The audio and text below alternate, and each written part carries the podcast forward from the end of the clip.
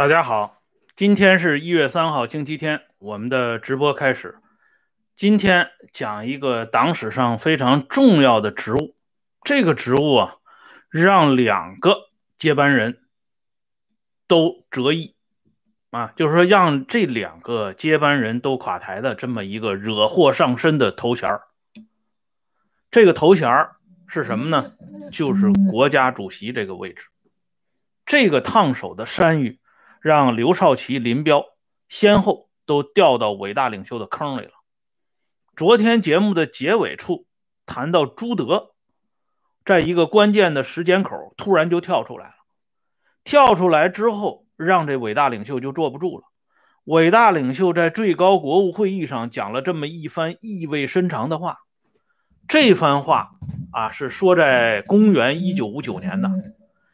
可是这番话过了十多年之后，人们才如梦初醒，合着伟大领袖当年人家就已经有看法了。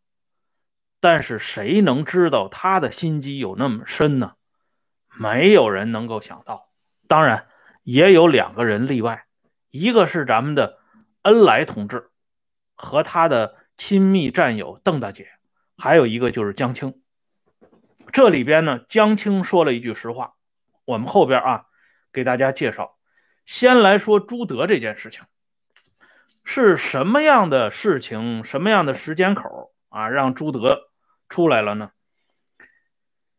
一九五九年四月十五号，毛泽东主持并召开了最高国务会议第十六次会议，这是他以国家主席的身份最后一次。主持召开最高国务会议，在这一次最高国务会议上，毛泽东说了这么一番话。他说：“这国家主席的候选人现在呢，已经定了是刘少奇同志了。那为什么不是朱德同志呢？啊，因为朱德是原来的国家副主席。这毛泽东一直提出来自己就不干国家主席了，希望有人来接替他。按照程序。”是应该由朱德来接替的，但这一次定的候选人是全国人大常委会委员长刘少奇，所以毛泽东就做了一个解释，他说朱德同志是很有威望的，刘少奇同志也很有威望，为什么是刘少奇而不是朱德？啊，因为我们主持党的工作，我算是一个，经常管的是少奇同志，我一离开北京。都是少奇同志代理我的工作，从延安就是这样，现在到北京又已经十年了。我去重庆就是少奇同志代理我的工作，他担任主席比较合适。毛的这番话，说实话啊，就在这一次会议上提到过。之前在讨论毛离开国家主席这个位置由谁来接替的时候。毛自己从来没有提到过刚才他说的这番话，他没有提议刘少奇接替他来担任国家主席。按照毛刚才讲话的逻辑，我们知道那是几十年了，刘少奇一直是作为他的第一副手出现的。他自己也说，后来进行双十和谈的时候，也是刘少奇代理工作。后来他在转战陕北的时候，也是刘少奇啊担任中央工委书记，主持日常工作。那么，为什么他卸任国家主席的时候，老大自己不亲口提议刘少奇来担任国家主席呢？那是谁来提议刘少奇担任国家主席呢？以往啊，在党史教科书上有一种讹传，这种讹传当然是给邓小平脸上贴金，说。邓小平提议刘少奇接替毛泽东出任国家主席，还绘声绘色的说过一段话，就是说邓小平讲了都不提，我提，我提少奇同志。事实证明这段啊纯属瞎编，因为真正的提议刘少奇接替毛泽东担任国家主席的是朱德。毛泽东自己说的原话是这么说的。朱德同志极力推荐少奇同志。我说了，你和少奇对调一下，把少奇过去的工作让你做。朱德他很高兴。毛泽东的这番解释就把答案给揭示出来了。朱德愿意去当委员长，推荐刘少奇当国家主席。这朱德和刘少奇的关系，昨天我们就已经说到了。啊，这里再简单补充一个王光美晚年的回忆：当初在西柏坡的时候，大家不知道刘少奇的生日，但是知道朱德的生日。啊，朱德在延安时候就过过生日嘛。朱德是十二月份的生日，刘少奇呢是十一月份的生日，但是刘少奇具体他不知道自己是哪一天，所以大家给朱德过生日，想了想呢，干脆就把少奇同志的生日也就一起过了吧。这样呢，引出了朱德写给刘少奇的那首诗《少奇老一奇》啊。昨天我给大家念过。这首诗呢，在五十年代初期，朱德亲笔写好之后，让女儿朱敏送到刘少奇家里。啊，这就是为什么朱德的外孙子后来能够回忆这个故事的原因。这两家关系非常好，而且朱德非常佩服刘少奇。他无论是人前还是人后，几次说到过刘少奇的好处。其中最重要的一点，朱德讲，少奇同志这个人很正派。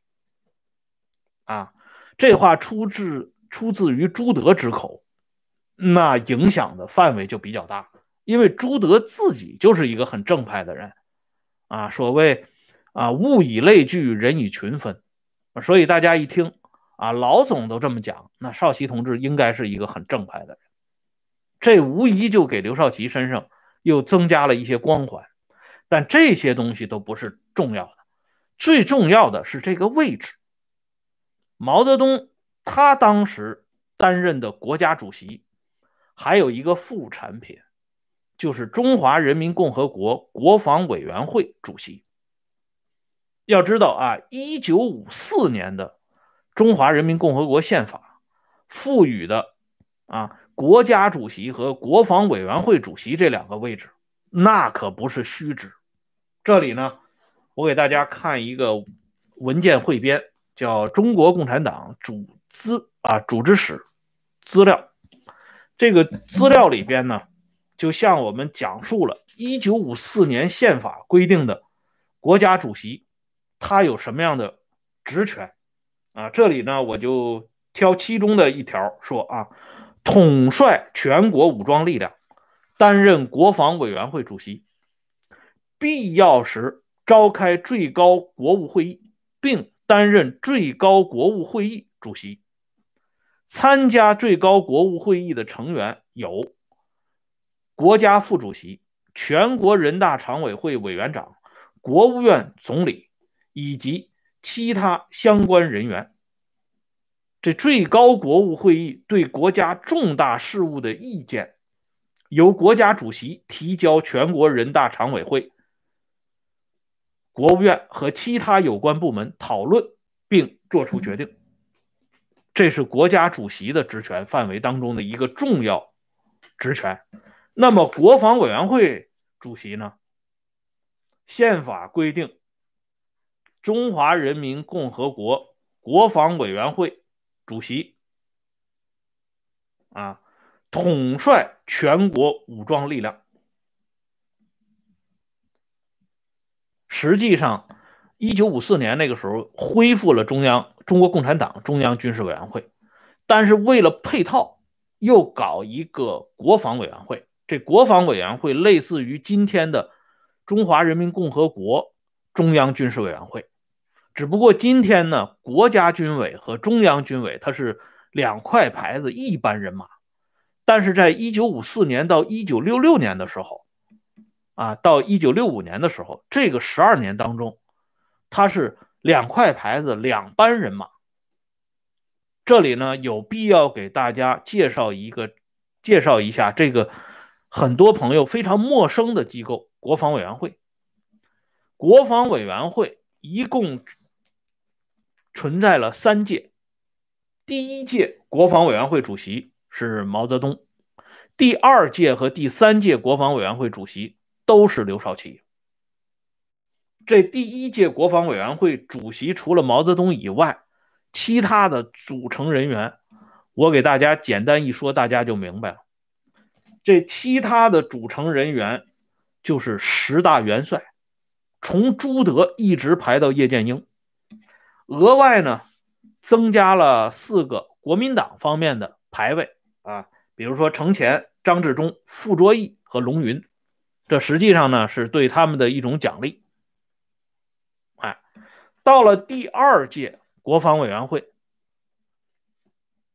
刘少奇就接主席了啊。第一届国防委员会里边还有个副主席啊，忘了说了，就是邓小平啊。邓小平是唯一不在十大元帅之列的。当然，那个时候啊，一九五四年组成国防委员会的时候，还没有评定军衔。第二届国防委员会，这主席是刘少奇，副主席排名第一的就是彭德怀。朱德啊，因为这个时候已经去担任委员长了，他就不便再出任国防委员会副主席，给刘少奇当副手。而这个排名第一的彭德怀，当时正是主持中央军委日常工作的国防部部长，所以这国防委员会主席、副主席可真的不是排位。而林彪当时是国防委员会第二副主席，仅次于彭德怀。哎，所以从这个例子里边，大家就看出来了啊，这个国防委员会主主席、副主席。很有力度的，而且第二届国防委员会副主席当中，龙云犯了错误，就把龙云拿掉了，把卫立煌和蔡廷锴给补上来了。这卫立煌当初啊，在辽沈战役里边到底扮演什么角色？这个时候大家看清楚了啊。第三届呢，国防委员会主席还是刘少奇，而第一副主席。由于彭德怀在庐山会议犯了错误，就改成了林彪，而林彪当时也正是正式接替啊彭德怀之后，主持中央军委日常工作，并且他的副总理的排名也超越了陈云，所以人家林彪当时的位置，无论是党务系统还是行政系统，都是仅次于刘少奇和周恩来的。哎，所以这国防委员会主席、副主席到这个时候，大家看的应该是相当清楚了。而关键一点，我刚才不是说了吗？伟大领袖在一九五九年这番意味深长的话，很多人是十多年之后才琢磨过来，那已经是血的教训了。因为两个接班人都折了，大家才知道，这伟大领袖当初推荐刘少奇。出任国家主席说的那番话是不得已而为之。这里呢，要隆重介绍一下咱们的邓大姐。当初在一九七零年第三次庐山会议的时候，江青跟许世友说过一番话。江青的原话是这么说的：“他说主席还在，黄袍加身可不好。”这江青这话是意有所指，指的是伟大领袖还活着。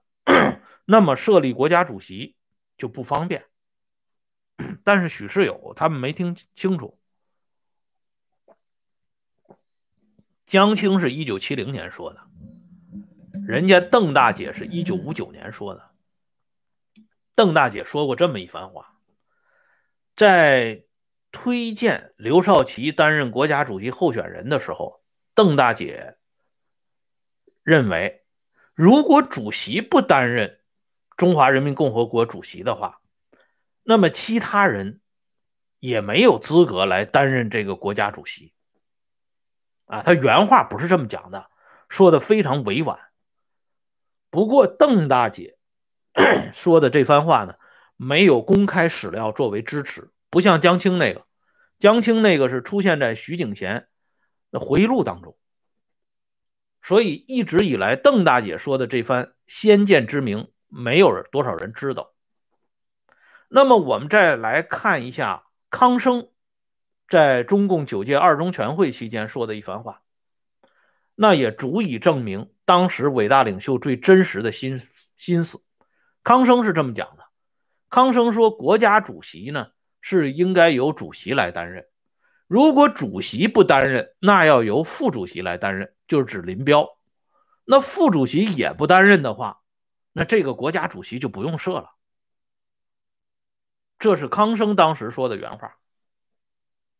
所以，咱们想起中国古人说过的一句话：“因人设事。”这中国这政治传统最讲究这句话。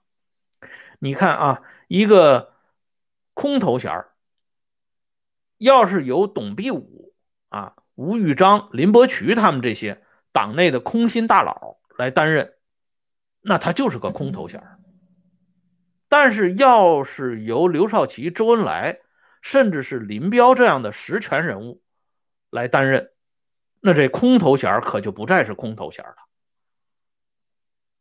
这也就是难怪人家刘少奇在最后时刻手里拿着那小本《中华人民共和国宪法》，在对红卫兵造反派表示抗议。人家是名至实归的国家元首兼全国武装力量的。统帅级人物，这是写在宪法里边的。所以，我们后来看到一个非常有意思的现象，就是当邓丽群啊失宠之后，李先念拉邓丽群，李先念当全国政协主席嘛，他让邓丽群去当全国政协副主席，啊，他说你跟着我去全国政协。这个时候呢，中央政策研究室正好有一个顾问的位置，也想请邓丽群去担任。这邓小平最后拍板的时候，邓小平说：“邓丽群去全国政协当副主席没问题，可以安排。但是邓丽群要到中央政策研究室当顾问不行。”为什么伟大领袖说邓小平绵里藏针呢？哎，绵里藏针就在这里，邓一下子就看出这两个位置的不同之处。全国政协副主席那是一个空心的位置啊，邓丽群到那儿以后，上边有李先念，他翻不起几几尺浪来。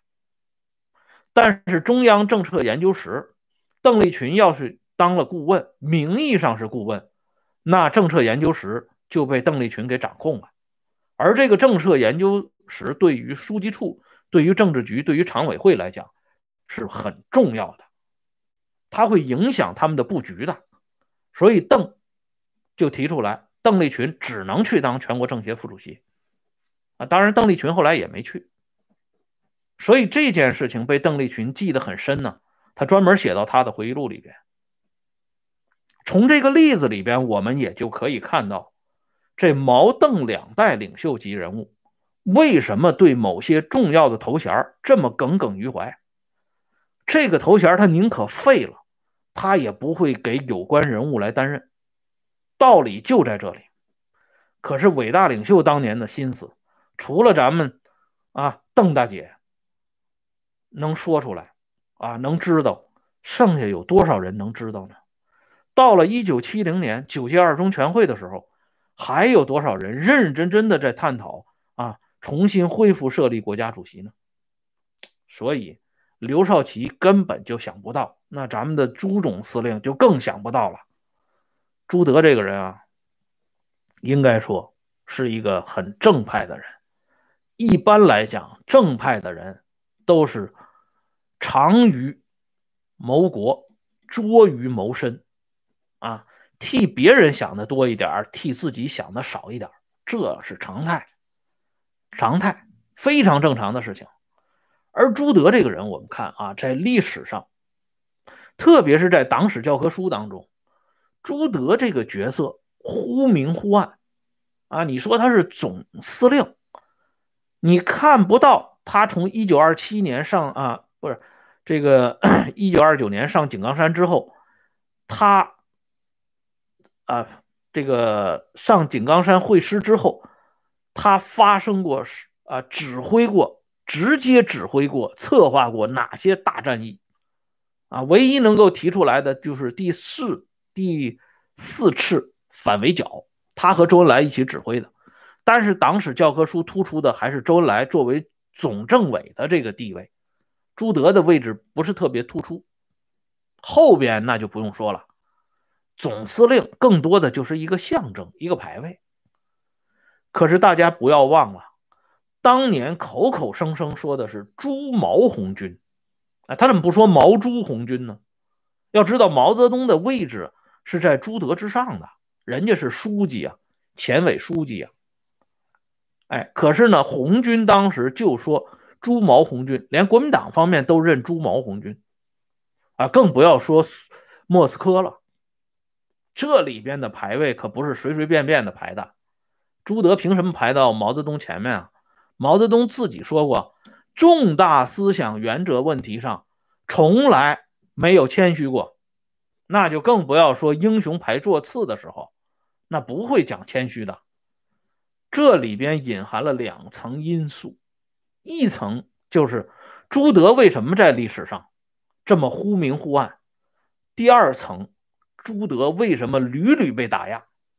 凡是啊，咱们看啊，历史进入到重大转折关头的时候，第一个批的都是朱德，肯定要把朱德拿出来批一通。这特别是文化大革命前夕，这简直是蜂拥而上啊！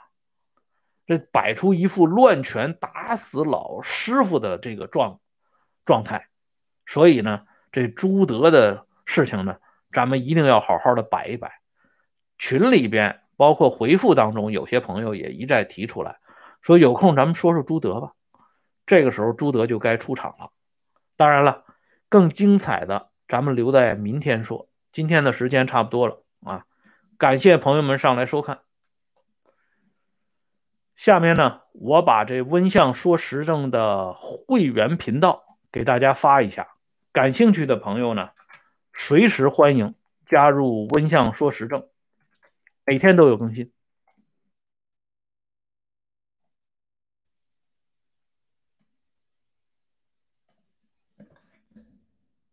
还有呢，已经出版了九本电子文本啊，都是跟党史。历史有关的这些文字资料，大伙儿呢，如果喜欢温相原创作品的，也可以按照指引啊购买。